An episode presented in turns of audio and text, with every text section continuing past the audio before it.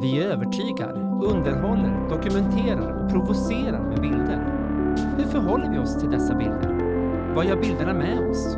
Och vilken roll spelar teknologin i framställningen och tolkningen av bilder? Du lyssnar på en podcast om visuella kulturer med Sibel, Elin och Elisabeth. Vi har haft lite diskussion om hur vi ska starta våra poddavsnitt. Um, om vi ska säga välkomna eller om vi ska vara pang på. Så jag vet inte hur vi startar. Hej kanske. Pang på. Pang på. Hej! I studion idag så är det som vanligt jag, Elisabeth. Jag har Elin och Sibel med mig. Hej, hej. och sen har vi också en gäst, Ingrid Forsler. Välkommen! Tack så mycket. Dagens avsnitt tänker vi, eh, vi ska ta avstamp lite i en samtid eh, där bildämnet har blivit, eh, kommit ganska högt på agendan av eh, kanske lite olika anledningar. Vi har ju Skolverket som har gjort en eh, översikt över eh, timfördelningen i grundskolan och kommit med ett förslag där man ska nagga då från eh, bildämnets timmar. Och det här har ju lett till ett upprop eller ett ett argsint uppvaknande av landets bildlärare som säger ifrån. Och Bildarnas riksförening har ju återuppstått där bildare då förenar sig och säger sin åsikt i den här saken. Och eh, det roliga är ju att eh, Skolverket har backat på det här förslaget. Och tidigare har vi också estetisk tillval på gymnasienivå som har tagits bort som obligatoriskt. Det har ju varit flera sådana bestämmelser som just har naggat på de här eh, ämnena, estetiskt skapande. Eh, så det är lite samtidsinramning. Men Ingrid Forsler då, som är vår gäst idag, du är ju aktuell med din doktorsavhandling Enabling Media, Infrastructures, Imaginaries and Cultural Techniques in Swedish and Estonian Visual Arts Education. Som du disputerade med förra året, eller hur? 2020? Juni. Snart ett år sedan. Mm. Precis i anslutning till pandemistarten, om jag minns rätt. Precis, så var det. Eh, och jag tänker att eh, du är nog den som kan eh, förklara din avhandling bäst. Jag tänker inte ge mig på någon slags referat av den, för då kanske jag trasslar in mig. Men jag tänker att vi, vi ska låta Ingrid mm. berätta lite mer om, om din avhandling och att vi för en diskussion kring den för att kanske leda vidare till just det här med bildämnets varande i vår samtid idag. Mm. Jag kan bara tillägga att Ingers avhandling, jag har den alltid med mig i väskan. Jag har haft den sedan jag fick den. Eh, och jag tycker att för mig är den här avhandlingen en, den var en aha-upplevelse att läsa. Och när jag kände den så kände jag mig väldigt stärkt i mitt ämne och eh, jag tycker att det är en av de viktigaste texterna som har skrivits på väldigt länge utifrån vårt fält. Och jag Så. håller med. Mm. Ehm, att det var som att öppna en dörr till något väldigt välbekant. Men med en belysning som sätter allt i en liten ny dager som var väldigt häftigt att få ta del av. Tack så mycket. Det var ju väldigt kul att höra. Och det kanske också beror på att ni är bildlärare från början. Eh, och det är jag också. Och den här avhandlingen handlar ju om bildämnet eh, och bildämnets relation till media kan man säga. Jag kan komma tillbaka lite till definitionen av media för det, det tror jag är en sån här lite ja, grej som man kan utveckla lite grann. Eh, men i alla fall så heter den ju Enabling Media och det fungerar, den titeln fungerar bättre på engelska än på svenska för att om man skulle översätta den så kan den ju då betyda två saker. Den kan betyda eh, möjliggörande medier och att möjliggöra medier. Och det är lite liksom den dynamiken som den här avhandlingen handlar om, nämligen hur bildämnet på något sätt är, är väldigt präglat av. Alltså det har sett väldigt olika ut om man jämför med många andra ämnen. Matematik, det är klart att det har förändrats men det är ändå hyfsat konsekvent om man jämför med bild som var ett helt annat ämne liksom, i folkskolan. Det handlar ju om penna och papper och så och nu är det en mängd andra saker som man då brukar prata om, till exempel det här med med mediekunnighet som är en viktig aspekt. Och sen då det här att möjliggöra medier, ja men det är ju då ett sätt att lyfta fram bildlärare som väldigt viktiga aktörer i den här processen att, eh, att jobba med, med olika medier i skolan helt enkelt.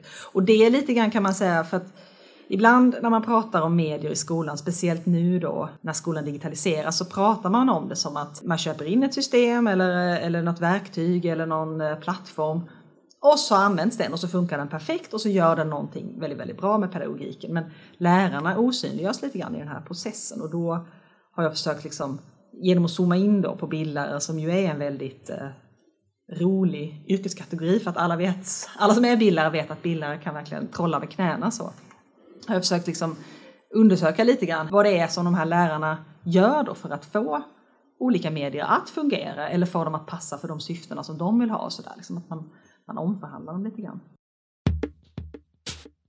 Ja, så det var den väldigt långa eh, förklaringen på den här titeln. Men det är alltså det som avhandlingen handlar om. Men mer empiriskt eller vad man ska säga så är det en jämförelse av eh, bildämnet i Sverige och Estland. Och det, varför jag gjort den här jämförelsen beror på lite olika saker men det är ju rätt intressant därför att då ser man också hur, eh, hur olika det här ämnet kan se ut beroende på, på den samhälleliga kontexten och historia och lite sådana saker. Sverige och Estland är ju ganska lika länder på många sätt men vi har ju haft väldigt olika historia. Och så. Eh, och sen, så, att, så att det här är ju en medie och kommunikationsvetenskaplig avhandling så att egentligen handlar den ju inte om mediepedagogik på det sättet att, att den väldigt lätt går att översätta till någon slags pedagogisk praktik. Men jag har ändå försökt på något sätt också att, att i boken peka på några saker som gör att bildämnet är rätt väl lämpat för att ta mediepedagogiken ett steg vidare. Så. För att man brukar ofta säga sådär, men bild är, det är ett medieämne. Det är väl kanske bild, samhällskunskap, möjligtvis svenska som är de ställena i skolan där man jobbar med mediekunnighet mest. Och då har jag försökt diskutera här liksom att, vad ska man säga, det här handgripliga i bildämnet skulle kunna vara väldigt värdefullt när det handlar om att, att bredda mediekunnigheten. Och det kanske, ja, det, det är någonting man skulle kunna utveckla. Så den liksom, ja, det är väl den pedagogiska take-awayn med den här avhandlingen kan man säga. Men det var just, just det tycker jag också var så himla eh, ahait när jag läste den här, eh, och som också har jobbat med medie och informationskunnighet. Och att det är så himla lätt att tänka att media är någonting, eller digitaliseringen, det är någonting som så pågår där ute. Och som, som lärare så finns det en stress i att hela tiden hänga med i ny teknologi och liksom nya mediala miljöer. Men att det jag kände mest starkt i när jag läste den här var ju också att så här, skolan har alltid varit en mediemiljö. Mm. Och framför allt bildämnet. Men att också börja titta där man står. Att börja undersöka hur det egna ämnet har utvecklats i relation till teknologi. Och, och genom det undersökandet så kan man också få kunskaper som man kan applicera på de samtida mediala miljöerna. Och det tänker, tyckte jag var verkligen så här, ahait. Nej men precis så, exakt. Det här historiska eh, perspektivet finns ju också. Och det är väl det som du kallar mediearkeologi. Mm. Eh, och det beskriver du väldigt bra tycker jag i din avhandling. Och eh, någonting jag tycker är fantastiskt med den här avhandlingen är ju också på skriptet där, du, där ja. allting blir väldigt handgripligt. Mm. Eh, och jag tycker verkligen att där, där finns det så mycket bra förklaringar och tips för hur man kan liksom göra om en, det här, den här avhandlingen till liksom rena lektionssituationer. Och där har du också ett exempel kring medie, hur man kan jobba med mediearkeologi. Svårt ord att uttala. Men jag tänkte fråga, apropå begrepp och sådär. Det här med eh, media som möjliggörande miljöer. Mm. Eh, och du nämnde liksom att så här, mediebegreppet är svårt att, att beskriva. Kan man försöka? Ja, ja, absolut. Nej, jag menar att jag skulle återkomma till det, men sen glömde jag det. Så det var ju bra. Men, men eh, oftast när vi pratar om medier i skolan så är det ju antingen sådär digitala system eller verktyg, alltså den här väldigt vad ska man säga, instrumentella definitionen. IKT, IKT ja precis. Eh, och sen i bildämnet så är bildämnet är ju väldigt bra på att prata om medier som medieinnehåll till exempel, så massmediebilder, reklambilder och så. Men jag har i den här avhandlingen utgått från en liksom lite äldre kan man säga, där kommer också det här historiska in, en lite äldre och bredare definition av medier. Som, precis som du sa, eh, det är en medieteoretiker som heter John Durham Peters som pratar om medier som enabling environments, alltså möjliggörande miljöer. Och jag tyckte att det här, det var det var väldigt så träffsäkert när det handlar om just bildämnet. För att det handlar ju inte om att man tar in en dator i, i bildsalen och så blir det plötsligt ett annat ämne, utan det är många olika grejer som hänger ihop och det är liksom medier från olika tider som lagras på varandra och, och de här medierna tillsammans bildar en miljö som möjliggör bildämnet som det ser ut nu. Så.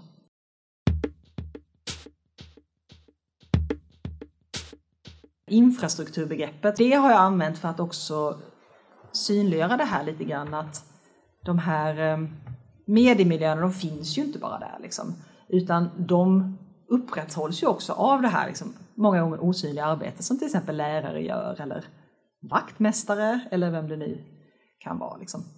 Så att det är, det är liksom en ganska bred, vi brukar ju kanske inte alltid prata om blyertspennor som medier, men det är det ju. Mm. Absolut, och de gör någonting med uttryck och de gör någonting med liksom hur vi undersöker världen och allt sånt. Liksom, så att. Det här infrastrukturella perspektivet är ju väldigt spännande för jag tänker att de flesta kanske liksom jag tänker framförallt när man hör det begreppet på samhällsplanet med en fungerande infrastruktur, vägar, sophämtning, alltså den, den delen av begreppet. Och när jag först hörde att du hade applicerat det så blev jag verkligen så här, eh, okej, okay, hur funkar det här? Så det tänker jag du gärna får utveckla vad det perspektivet innebär och också just i förhållande till media, för de hänger ju ihop lite men att du har valt att använda mm. båda, eller framförallt infrastruktur. Ja precis, alltså det är ju ett brett mediebegrepp och för att liksom, definiera det ytterligare så använder jag det här begreppet medieinfrastruktur och då ska jag säga att det är inte jag som liksom kommit på det här utan det är ju lite av en trend kan man kanske säga i, i eh, medievetenskapen att börja titta mer på infrastrukturer. Men det är ju lite som du säger, alltså det är ju de här systemen, liksom samhälleliga kontexterna och så som ligger liksom bakom eller under, alltså infra, som ligger under medierna. Och då, liksom, varför det här är användbart det är ju för att mycket som har tänkts och skrivits om medier de senaste, ja, vad kan det vara, 50 åren har ju handlat väldigt mycket om medieinnehåll, mediekonsumtion, hur tolkar vi bilder, hur tolkar vi nyheter, eh, den typen av frågor, men ganska lite om kanske distribution. Hur når det här oss? Och i vilken form och liksom vilka materiella resurser behövs och så. så att därför har det här begreppet kan man säga blivit aktuellt och jag tycker att det det blir, alltså anledningen att det är användbart i den här avhandlingen det är ju just det här att alltså dels är det en lite bredare förståelse för vad medier är men det är också det har också väldigt tydligt den här kopplingen till just eh, praktik eller arbete så att ett medium fungerar ju inte bara av sig själv liksom, utan det kräver en, en mängd så, personer som gör en massa arbete. Um, och sen då det tredje som gör att jag tycker det är väldigt intressant är att jag tycker att i medie och informationskunnighet som någon nämnde har det ju varit ett liknande fokus på bilders och texters innehåll och hur vi kanske tolkar dem och så. Men det finns ju rätt mycket andra frågor som är viktiga kring media, speciellt nu när vi använder så mycket media. Till exempel, ja men hur, eh, var kommer de här metallerna i min telefon ifrån? Eller vem äger de här nätverken? Alltså de här liksom mer ja, kontextuella eller underliggande aspekterna med det. Jag tror att de där måste vi också prata om när vi, pratar, när vi ska lära oss om medier eller lära barn och ungdomar om medier. Och då tycker jag att liksom, det blir väldigt tydligt om man då börjar prata om medieinfrastruktur. Och då kanske man ja, då blir det tydligt vad man, vad man menar. Och jag menar inte att vi inte ska hålla på med bildtolkning, det är superviktigt. Men eh, kanske både och. Liksom. Men om man tänker sig en, jag tänker många bilder är väldigt eh, kunniga i just, precis som du säger, bildtolkning eh, och granska massmediala bilder eller bilder som florerar på sociala medier. Och om man tänker sig att man eh, visar en bild eh, för sin, för sin, i sin klass och man gör en tolkning och man pratar om representation. Finns det någonting man skulle kunna lägga till då för att anamma lite det här infrastrukturella perspektivet på det man redan gör? Ja men precis, för det är ofta så man gör och det är ofta så det är också den default-tolkningen som, som många, speciellt liksom äldre ungdomar gör. Liksom, att ja, men det här är en, en sexistisk reklambild till exempel, vilket det ju självklart är. Liksom. Absolut. Men då kan man ju också börja fundera lite grann på, okej, okay, men vad, gör, vad är det som gör att den här typen av bilder dominerar? Eh, när vi till exempel söker på bilder, vad är det för hur ser algoritmerna ut som gör att vissa bilder prioriteras och hela tiden hamnas överst i sökstatistiken? Och vad kan jag göra som användare för att kanske få andra bilder att dyka upp, liksom, så vi får en lite bredare representation? Och sen kan man ju titta på, det här är ju också temat för ett av de här delarna i postskriptet. Man kan ju titta lite grann på ekonomiska faktorer till exempel. Alltså det finns ju också sådana motiv bakom att det är många, många bilder som, alltså att det är samma bild som går runt till exempel det här systemet med, med bildbanksbilder istället för att till exempel eh, tidningar och reklambyråer har egna bildjournalister. Så att det finns ju en mängd liksom underliggande faktorer som stärker de här problemen som vi ändå har med representation. Det betyder inte att man måste prata om allting hela tiden, men liksom att hela tiden försöka sätta saker i sitt sammanhang, det tycker jag är en bra definition på sån här infrastrukturlitteracitet. Inte att det är ett nytt ämne eller en ny grej som ska läggas till, utan att liksom ha det här holistiska perspektivet när man hinner. Ja men verkligen, det är det som man får, tänker jag, när man tar det här infrastrukturella. Mm. Att backa några steg och se lite mer helikopterperspektiv på mm. hur saker hänger samman. Och gräv där man står kanske. Mm. Eh, för någonting jag tänkte på som du nämner, jag tror det kanske var i postskriptet, men det var liksom att när man pratar om media i skolan så kan det ibland eh, hända att man liksom ser på medier som någonting som händer utanför skolan. Jag tänker liksom på att det handlar också så mycket om jag tänker på så här Foucaults begrepp om heterotopier, liksom, att man är en värld inom en värld. Och man tittar ut på den här andra världen där, där media då försiggår. Men jag tycker att det här infrastrukturperspektivet på något vis både breddar bilden av media men också zoomar in ganska mycket på att liksom, du har det framför näsan mm. och i ditt klassrum. Liksom. Och ett väldigt eller genomgående, tänker jag också, ett tema är ju det här synliggöra det osynliga, eller om det, jag vet inte om det är exakt så du uttrycker det. Och det tänker jag också verkligen man får möjlighet till, ja, men, som vi har redan nämnt, just att ja, men det, det, vi tar för givet, att självklart så kan vi använda en blyertspenna till att skriva och dra blyertsstreck eller göra en skiss.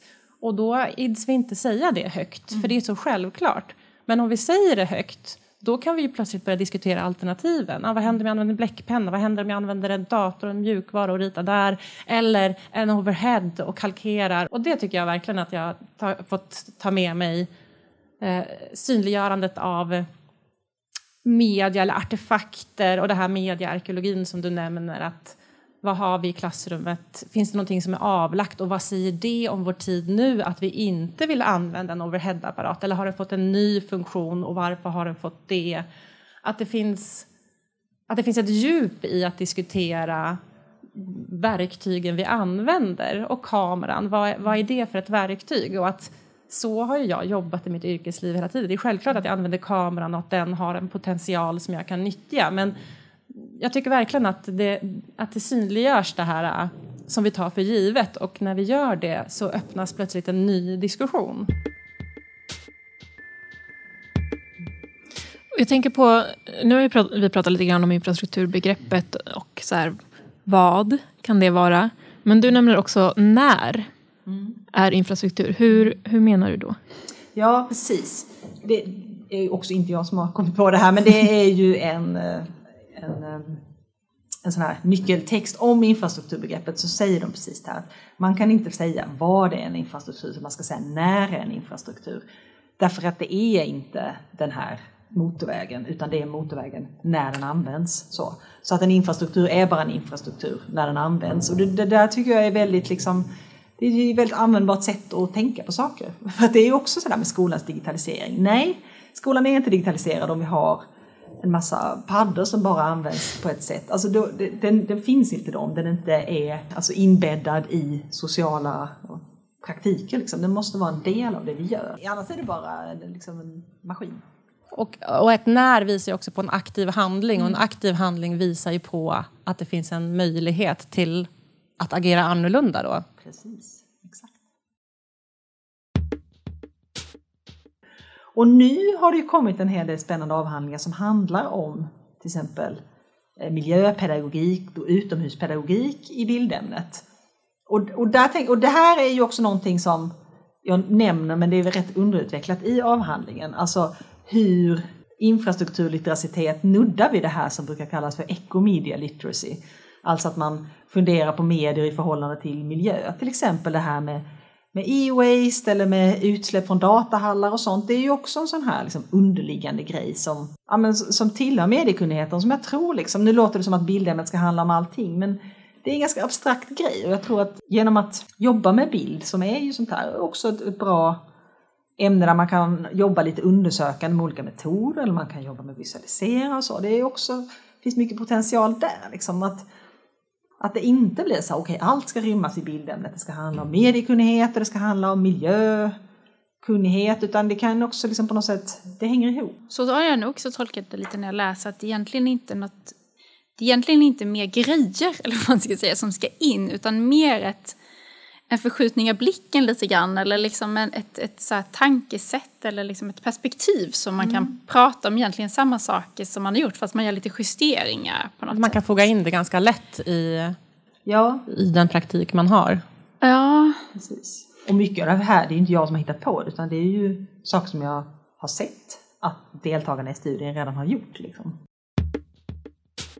För du gör ju som sagt i slutet av din avhandling så härliga konkreta förslag som, som också synliggör hela din liksom, teoribildning där.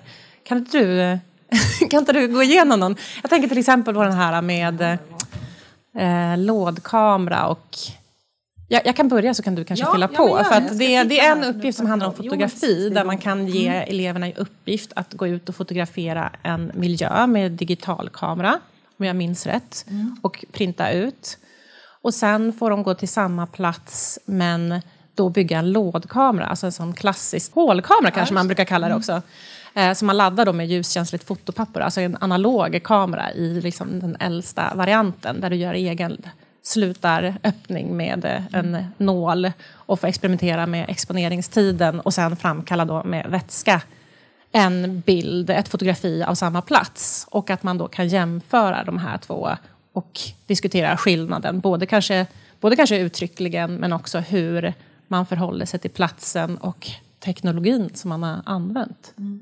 Ja men precis, alltså, och då kan jag, den här um, postskriptet då, det, det, skrev jag faktiskt som en respons på att jag hade presenterat den här avhandlingen när jag höll på att skriva på den på olika, eller i olika sammanhang för lärare och bildare och så och fått frågan vad har det här för betydelse för oss? Och det är ju verkligen en bra fråga. Så det är liksom ett försök att Konkretisera. Att konkretisera helt enkelt också för min del. Alltså det var väldigt bra för mig att skriva det där också måste jag säga. Det blev liksom tydligt vad det är som är viktigt och sen så var det lite lättare att skriva de här analyskapitlen. Så det var inte som att jag, det är egentligen inte så att jag skrev det efteråt som en sammanfattning utan någonstans i mitten skrev jag det där. Och ett annat exempel handlade om, de skulle först göra en fältstudie tror jag och eh, anteckna vilka bilder de möter under en skoldag mm. som lärare producerar i sina material eller lagt in i sina material. Mm, just det.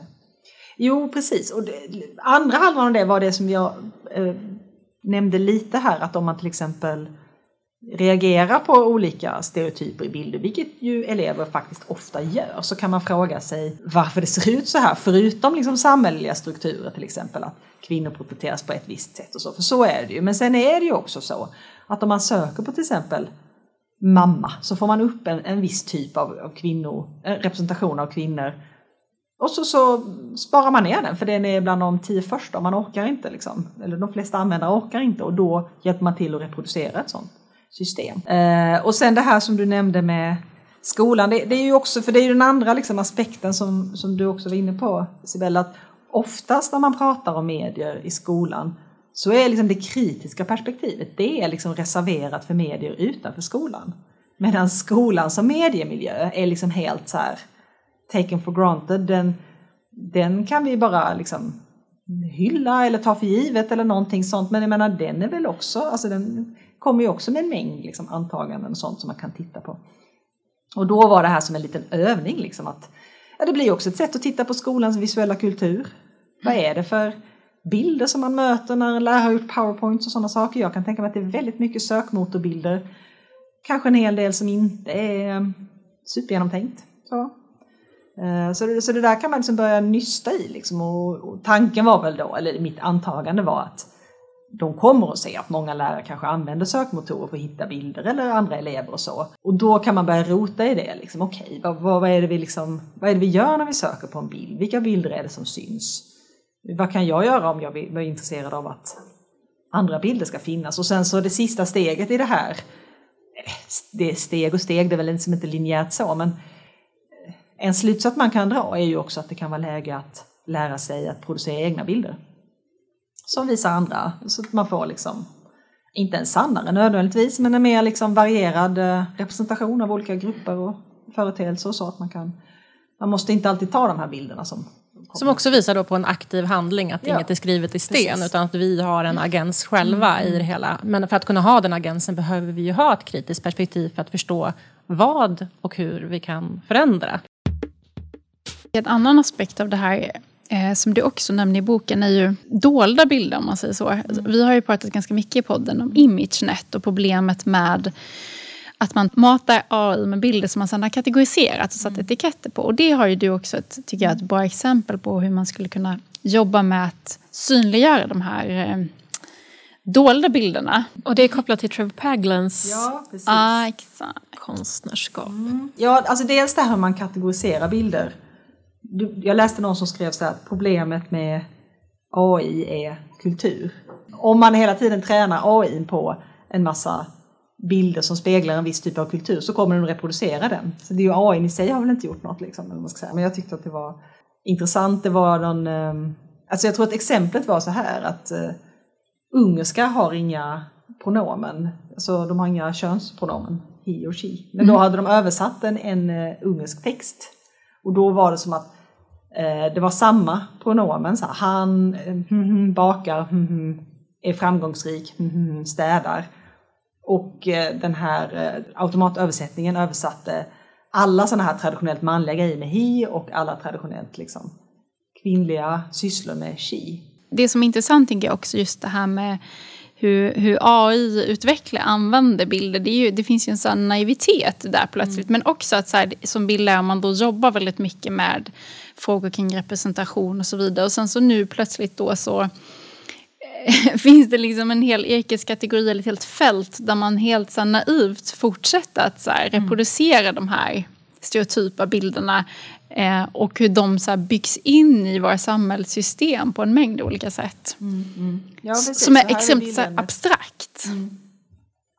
Alltså det är abstrakt men det är också inte jätte svårt, tänker jag. Alltså man kan ju också tänka sig att om vi har en mängd bilder och vi tränar en AI på dem så kommer de att uppfatta världen på det sättet. Liksom. De kan bara utgå från den, de representationer som finns. Alltså jag tror, ja det är abstrakt, men, men det är också inte helt omöjligt för en högstadieelev att, att greppa det här. Eh, och då blir det ju, alltså det, på något sätt, det som jag tror att du tänkte på, det var liksom andra halvan av det här, det är ju mm. också att om man gör egna visualiseringar av vad som helst. Liksom.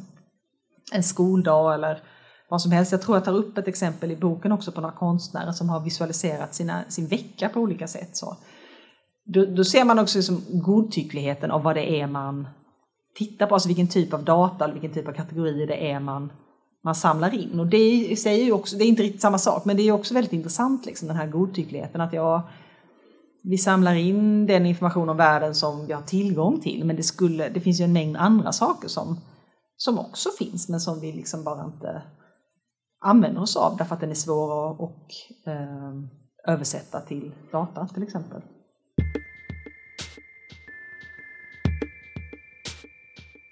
Jo, men jag tänker att det är väldigt roligt eh, eller intressant sammanträffande. Eh, du har ju hållit på med din avhandling i, den tog väl fem år i alla fall. Mm. Och eh, det var ju ändå intressant att den ändå blev klar lagom till att vi hamnade i en pandemi och att plötsligt så använde vi Zoom, Teams, Skype med mera, med mera Eh, man köper in olika konferensutrustning till att använda hemma mer än någonsin. Mm. Och jag undrar lite grann om du tror, för det känns nästan som att, att den avhandlingen är skriven för en sån här tid på något sätt.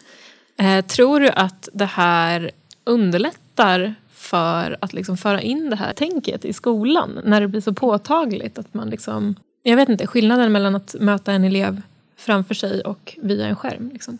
Ja, men kanske. Alltså det är ju som du skriver, det känns ju det är trist liksom att jobba någonting, med någonting i fem år, sen blir det pandemi. Liksom, så, men samtidigt så, så sätter du fingret på det här, liksom, hur allting hänger ihop och punkterar ju kanske lite grann den här naiva idén om att ja, men, vi kan föreläsa via en, vi kan ha en lektion via en skärm, det går jättebra. Liksom. Nej, det går inte så bra, därför att det är mycket mer komplext. Det är liksom ett sammanhang mellan liksom ett, det består av platser och det består av tekniker och teknologier och liksom Eh, jag vet inte, det synliggör den här komplexiteten absolut i undervisning. Ja, men det är väl verkligen enabling media, tänker jag, ja. som, som eh, påvisas. Att, eh, håller du, att, att rum, klassrummet är ett slags media. Mm. Du står i klassrummet och håller din lektion och sen får du ett annat media att använda och det är till exempel Teams. Och du måste förhålla dig till mm. klassrummet och du måste förhålla dig till Teams. Men innan Teams användes så här frekvent så kan vi ignorera klassrummet för det är det normala och då ser vi det inte. Och det är ju verkligen någonting jag tycker man har haft i fikarummet nu såna här diskussioner som tangerar din avhandling som handlar om vad olika mediala kanaler möjliggör för slags kommunikation. Mm. Att sitter vi i ett Teamsmöte, vad händer med kommunikationen när vi inte har ögonkontakt med varandra? När du ser dig själv hela tiden i bild. Det är som att sitta i ett rum och spegla sig samtidigt som man pratar med folk. Att det här påverkar kommunikationen. Mm. Eh, och som du också lyfte just att vad, vad, är det för något företag, som, vad är det för tillverkare som har gjort det här? Eh, teknologin, att det, det, där dyker ju de här aspekterna plötsligt upp på ett väldigt påtagligt sätt även för kanske de som inte alls är vana att diskutera mm. det här. Så det, det, är ju ganska tacksamt. Och jag känner att man skulle vilja liksom slå mynt av den här tiden på det sättet. Att liksom fånga alla bara, låt oss bara fortsätta prata om det här i, i ett ännu vidare rum eller sammanhang. Mm. Ja, ja, det stämmer och jag tänker också att liksom det är någon slags reflektion som pågår också i olika undervisningssammanhang. Att man säger, ja nu sitter vi ju här på team, så hade vi varit på plats så hade vi gjort så här. Och, ja men nu kanske vi ska ta, alltså en sån ständig metareflektion som också är ganska intressant. Och, alltså jag tycker det är bra för att när jag började skriva den avhandlingen för sex år sedan, eller som det var ett år sedan, som den kom ut, så var det ju också lite så faktiskt att folk typ kvävde en gäspning när jag sa att jag skrev om skolan. Så, ah, vill du inte skriva något annat? Vill du inte skriva om graffiti istället? Nej, jag tycker skolan är väldigt intressant. Ah, mm. Men, men nu har ju folk, liksom, eller folk, men det jag tycker att det finns ett större intresse för skolan som mediemiljö. Därför att man liksom, det kanske är som ni säger, att den här snabba övergången till distansundervisning har liksom synliggjort det här. Och att det kan aktualisera andra områden om man just mm. tänker skolan och digitaliseringen. För det har ju pågått ett tag nu, just liksom den här digitaliseringsdiskursen. Och vi som jobbar inom skola eller så, man, Många har ju ändå kunnat lyfta lite sådana skräckexempel att det står 30 iPads travade i något klassrum men man vet ändå inte riktigt hur man ska använda dem eller att det blir som att ställa fram en skål med godis fast ingen får ta någonting. Att det, det räcker liksom inte att ha den fysiska materien och tro att det ska lösa pedagogiken. Det har väl förändrats kanske lite med åren, just eh, den diskursen också. Att man börjar förstå att man kanske behöver liksom väva in det här i någon slags verksamhetstänk. Och också att eh, digitalisering inte heller är positivt liksom, rakt av, utan man behöver ju överväga när man ska använda vilken slags media. Och att, ja, men jag tänker att eh, tiden nu bör kunna liksom belysa den diskussionen på ett annat sätt. Att ja, men datorer, plattor, blyertspennor och så vidare. Mm. Hur nyttjar vi tekniken på, eller teknologin på bästa sätt? Mm. Jag tänker också att eller jag tycker det blir så tydligt just det här att media inte bara är redskap utan att de gör någonting med oss. Alltså jag tänker bara i, i min lilla grupp som jag arbetar när vi ja, men vi hörs på Teams och sen så har man en chatttråd och hur mycket missförstånd som det uppstår i exempelvis en chatttråd där man blandar liksom giffar och eh, plötsligt kommer det ett mötesprotokoll i samma chatttråd och en eh, feedback och sen ett skämt och att, ja, men att det gör någonting med oss och det gör någonting med gruppdynamiken. Och det, och det tänker jag också att jag tror att det är väldigt tydligt för väldigt många, eller också den här diskussionen, ska man ha kameran på, ska man ha kameran av? Vad betyder det att någon stänger av kameran mitt i ett möte? Att det kan upplevas otrevligt. Men om man jämför med typ då eh, pennan och skriftspråket så är det ju så etablerat i skolan så att man tänker inte ens på vad det gjorde med oss. Men att man också kan använda den här pandemin till att prata just om ja, men vad media faktiskt gör med oss. Och det är en så himla viktig diskussion i skolan för att som lärare så medierar man ju ämnesinnehåll hela tiden men att man tänker liksom inte riktigt på att de medier man väljer eller uttrycksformer också gör någonting med lärandet och undervisningen. Mm. Och den diskussionen tycker jag ibland saknas lite grann i digitaliseringsdiskussionen. Mm. Plötsligt jobbar alla i olika visuella miljöer men det är inte heller någonting som man riktigt så uppmärksammar eller tar för givet. Precis, och det här med digital kompetens som, som vi pratar mycket om där har det ju väldigt länge varit så att digital kompetens, det är någon slags know-how hur man ska använda olika program och så. Men det tänker jag också kanske är, man skulle kunna vara lite mer nyanserad där nu och tänka att digital kompetens är ju också, som du nämnde Elisabeth, alltså att välja när man ska använda någonting och när man inte ska använda ett digitalt medium eller man ska, alltså när man ska använda vad helt enkelt, att kunna göra liksom överväg, väl övervägda professionella val.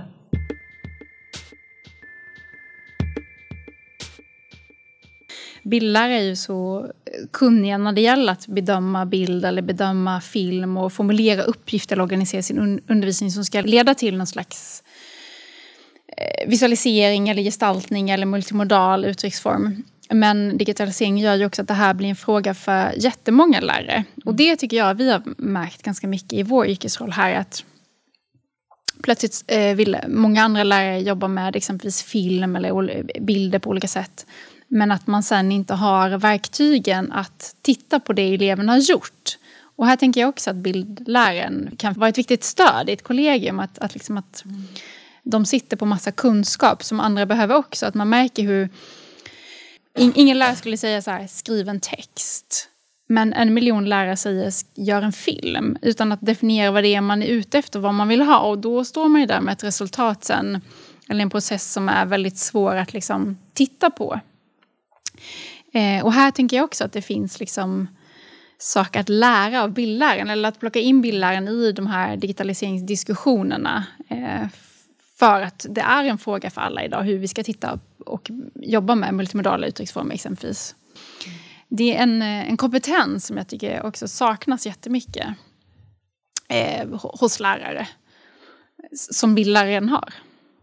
Ja, och det, det, här har inte jag forskat om, men jag vet ju de som har det, som säger precis det här. Att när de, man bedömer till exempel en film så tittar man bara på innehållet eller hur begreppen som begreppen sägs som ja. används liksom sådär, och aldrig egentligen på hur, hur, eller väldigt sällan hur någonting gestaltas. Inte alltid ens om det är en bildlärare med, liksom, för det prioriteras ner. Så vad det beror på, ja, jag vet inte, men eh, det där skulle verkligen kunna stärkas. Och det är ju jättehäftigt hur du lyfter bildämnet i, kring det här eh, och hur, hur bildämnet skulle kunna vara den här centrumet för att belysa hur infrastruktur och eh, olika mediala aspekter kan fungera och att det liksom egentligen redan finns på ett naturligt sätt mm. i bildklassrummet. Och, och sen är jag inte naiv, alltså jag förstår ju också att det är redan mycket som ska in. Och det skulle behövas mer timmar förstås. Liksom. Och kanske också det är ju också många som informanter i den här studien som har belyst att det är svårt att få till till exempel ämnesövergripande arbeten därför att alla ämnen har det här liksom, stoffträngseln. Mm. Det är jättemycket som ska in i alla ämnen. För att jag tänker att ja, men, många av de här frågorna som vi har pratat om nu till exempel ja, men, eh, AI eller eh, vilka metaller som används i en mobiltelefon, alltså de är ju väldigt aktuella för många ämnen. Men där finns ju också verkligen en paradox, tänker ja. jag. För att eftersom det finns alltså stoffträngsel så borde ju lösningen verkligen vara ämnesövergripande ja. arbete. För har du tio timmar eh, i respektive ämne och ni har någonting gemensamt, då kan ni ju liksom få loss timmar. Det är ju det, mm. det är så det skulle kunna gå till. Men sen vet ju alla som har jobbat inom skolan att du hinner liksom knappt säga hej till din kollega på din fem minuters rast. Så det kanske liksom en annan struktur som mm som den största problematiken ligger i hur man får till de här ämnesövergripande arbetena. Ja, och att det tar tid att jobba undersökande. Det går snabbare att prata om en AI under lektionen, att, att göra ett utforskande arbete förstås. Men, eh, så det är ingen kritik mot lärarna, men, men jag bara menar att ja, man kan ju se potentialen, men jag kan också verkligen se utmaningarna. Och där kan vi ju faktiskt komma in på just med Bildarnas riksförenings mm. återuppståndelse och deras upprop där de ställer krav på sin tillvaro i skolan. Eh, nu vet inte jag, Sibel, har du de, de tydliga kraven? Eftersom det pekar också ganska tydligt på vilken situation bildarna sitter i idag och vad man liksom behöver att trolla med knäna liksom är kanske inte den optimala situationen. men precis, och de har ju ganska tydliga krav här eh, i sin kampanj Stärk bildämnet. Och det är att man vill ha kvar elevens val. Eh, 80 minuters lektioner på högstadiet, 60 minuters lektioner på mellanstadiet. Inte ha grupper som överskrider 20 elever, max 300 elever per lärare och inget mentorskap på grund av elevantal. Så det är ju ganska mycket sådär eh, formen på hur man ska bedriva sin undervisning. Jag tänker att det blir så tydligt med, med kraven, va, va, hur situationen mm. troligtvis ser ut idag. Eh, vi kanske alla fyra har jobbat som bildlärare tror jag, mm. men det var mm. några år sedan nu. Mm. Men att eh, vibbarna kommer tillbaka, att potentialen i ämnet men att man får förutsättningar som gör att det inte riktigt blir möjligt. Åtminstone inte att prestera liksom, på den nivå man kanske skulle vilja, utan att det är någon slags överlevnadssituation och max 300 elever i veckan. Alltså, nu när man fått lite distans så låter ju 300 elever vansinnigt mycket fortfarande. Så det känns ju inte som att det är orimliga krav heller ställa. Nej, och det här som vi pratade om som, som något lätt då inom citationstecken att ja, men det här behöver inte vara något nytt perspektiv, men man kan reflektera lite över det när man gör de här sakerna. Det är klart att det är ju inte så jättelätt att reflektera och diskutera kring saker om man har 30 elever i klassrummet. Så, att, så att det låter ju som rimliga krav. Men både det här uppropet och så tänker jag det, ditt perspektiv i avhandlingen som ändå kretsar kring bildämnet. Mm. Det belyser ju en, en väldigt stor fråga som handlar om vad bildämnet är eller vad det skulle eller bör vara. Mm. Och det tycker jag är jätteintressant och jag tror att eh, vi får väldigt olika svar ja. beroende på vem man frågar och vilken bakgrund eller vilken inriktning man har. Även hos bildlärare så tror jag att det där är väldigt spridda visioner kring hur man vill att bildämnet ska liksom fungera i vår samtid idag. För att vi, vi lever i en väldigt medial tid och du lyfter mm. ytterligare aspekter för potentialen i bildämnet. Och sen har vi ju hela det här skapande, estetiska, konstnärliga det kommunikativa. Alltså det, finns, mm. det är egentligen jättemånga ämnen som samlas under mm. begreppet bild.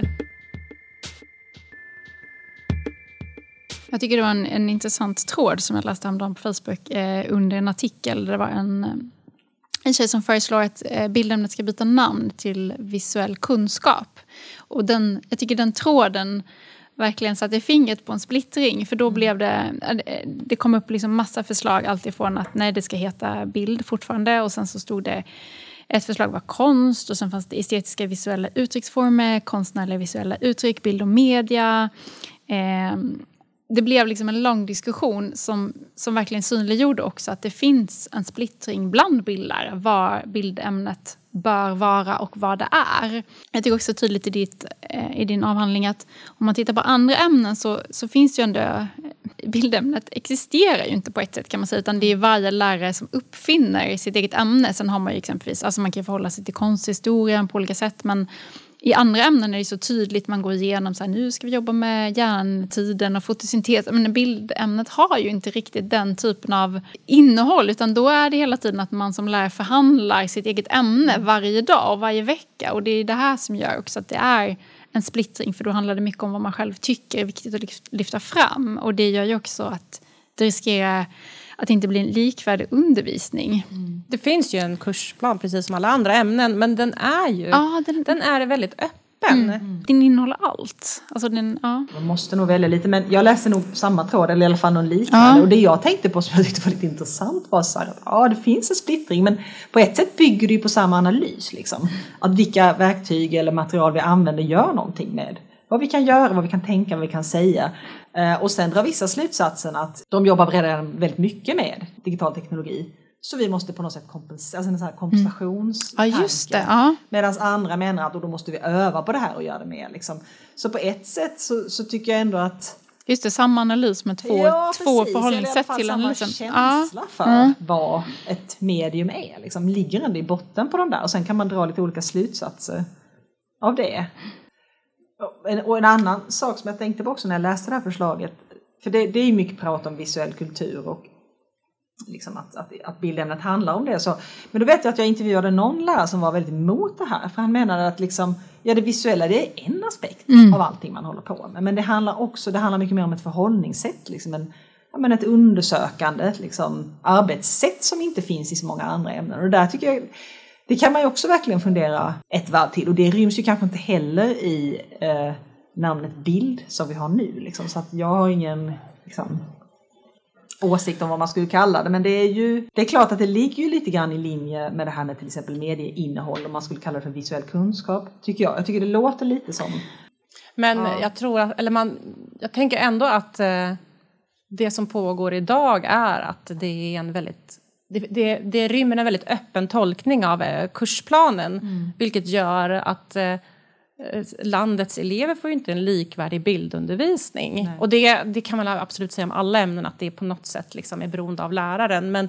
men kanske ännu mer i bildämnet att beroende på vad man har för intresse eller vad som ligger en varmast om hjärtat så kan man utan liksom att göra fel eh, fokusera på vissa aspekter av bildundervisning som gör att en annan elev i en annan skola får en helt annan undervisning. Och det tänker jag ändå är en svaghet. Och om man jämför ämnesplanen med andra ämnen där det är mer specifikt så börjar man ju liksom fundera lite om det är någon slags styvmoderbehandling av ämnet. Eller liksom just att, ja men jag tycker faktiskt att det signalerar lite det här vårdslöshet kring, alltså att man inte har specificerat bättre att eh, ja, här har vi en kreativ fristad och det är jättehärligt för eleverna att få jobba skapande med händerna. Eh, och ja, man kan ju möjliggöra situationer för att prata lite om bilder och göra lite annat. Att det, det räcker så. Och så går vi vidare och formulerar oss i de andra kursplanerna. Att det kanske är dags liksom att ta ett nytt grepp om bildämnet. Det har ju bildämnets eh, historia har ju flera paradigmskiften. Att, och det bör väl följa samhällsutvecklingen på något sätt. Att, jag vet inte, jag tänker att vi kanske står inför ett sånt idag. Och det kanske är så. Alltså att ett namnbyte behöver inte täcka in allt, men det blir en symbolhandling som gör att alltså, hur mycket, alla vi som har gått bildarutbildning, man är ju så trött på det här eh, liksom, nästan liksom, narrativet om från teckning till bild. Det, är liksom, det är ju verkligen en sån etablerad eh, eh, historieskrivning och det är klart att det kanske är från, från teckning till bild till visuell kultur. Det tycker jag också i mitt, eh, min yrkesroll idag. Där jag jobbar med lärarfortbildning, eh, framförallt inom MIK, men också har filmpedagogik titel. Eh, så jag jobbar liksom lite inom olika områden och när jag träffar lärare så kan jag presentera mig och säga att jag är bildlärare i botten så att man vet lite vem jag är och var jag kommer ifrån. Och då kan jag också känna, om jag ska vara liksom helt ärlig, att det är liksom en blandad stolthet men också lite frustration i att säga att jag är bildlärare. För att det, är, alltså, det är någonting som man liksom, det ligger verkligen varmt om hjärtat men att ja, det är någonting som skaver. Så kanske just det vi pratar om i den här diskussionen. Att eh, det är ett sånt viktigt ämne men att det finns någonting oklart i vad det är och vad andra lägger in i det kanske Det är framförallt. Det är väl där det skaver. Att bild, det låter ju kanske lite som att... Och vad kul, ofta kan man få positiva reaktioner så när man presenterar sig. Åh, vad kul att du bildar! Så bara, ja, jo, det är kul. Eh, men det är ju också viktigt.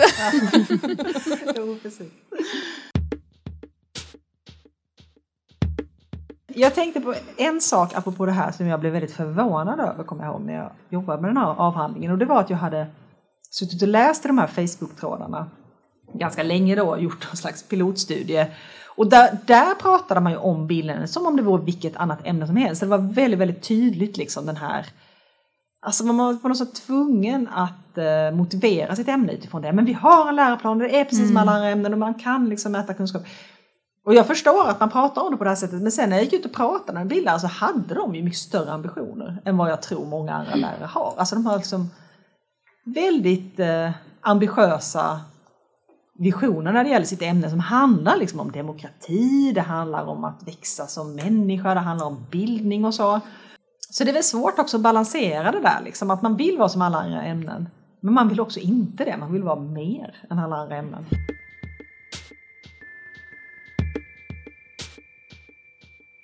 Ja, det här är väl en diskussion som vi... Vi ska väl inte ens försöka komma fram till några tydliga svar här utan det här är ju någonting som behöver fortsätta. Eh, men jag tycker det är spännande med Bildarnas riksförening som har höjt sin röst. Och eh, stort tack Ingrid till att du ville gästa oss idag och bjuda på din avhandling som eh, kom i väldigt bra timing kanske man skulle kunna säga, trots allt. Ehm, eftersom den handlar om infrastruktur och eh, enabling media mitt i en tid när vi använder media på ett väldigt påtagligt sätt. Eh, och också just att du behandlar bildämnet och dess potential som också är väldigt aktuellt just nu. Så det blir spännande mm. att följa, tänker jag, den här bildar Och om man vill få tag på den här avhandlingen och vill läsa den, hur kan man, var köp, kan man köpa den? Eh, ja, den finns ju på nätet att, uh, att ladda ner gratis. Okay, så det är bara att söka på Lyxigt. den, Enabling Media eller på, på mitt namn. Ingrid Forsler. Ja. Vi kan lägga upp en länk också, kommer jag på nu, på sociala ja, medier. Det gör till vi Men det får ni hemskt gärna göra. Mm. Mm. Och tack så jättemycket för att jag fick komma hit. Det är väldigt roligt när tre personer faktiskt har läst ens avhandling. Det är inte, inte så jättevanligt faktiskt. Så det var väldigt roligt att komma hit och prata med er. Och tack alla lyssnare som har följt oss den här timmen. Följ oss på sociala medier och vi hörs nästa gång. Tack så mycket. Tack, tack. Tack.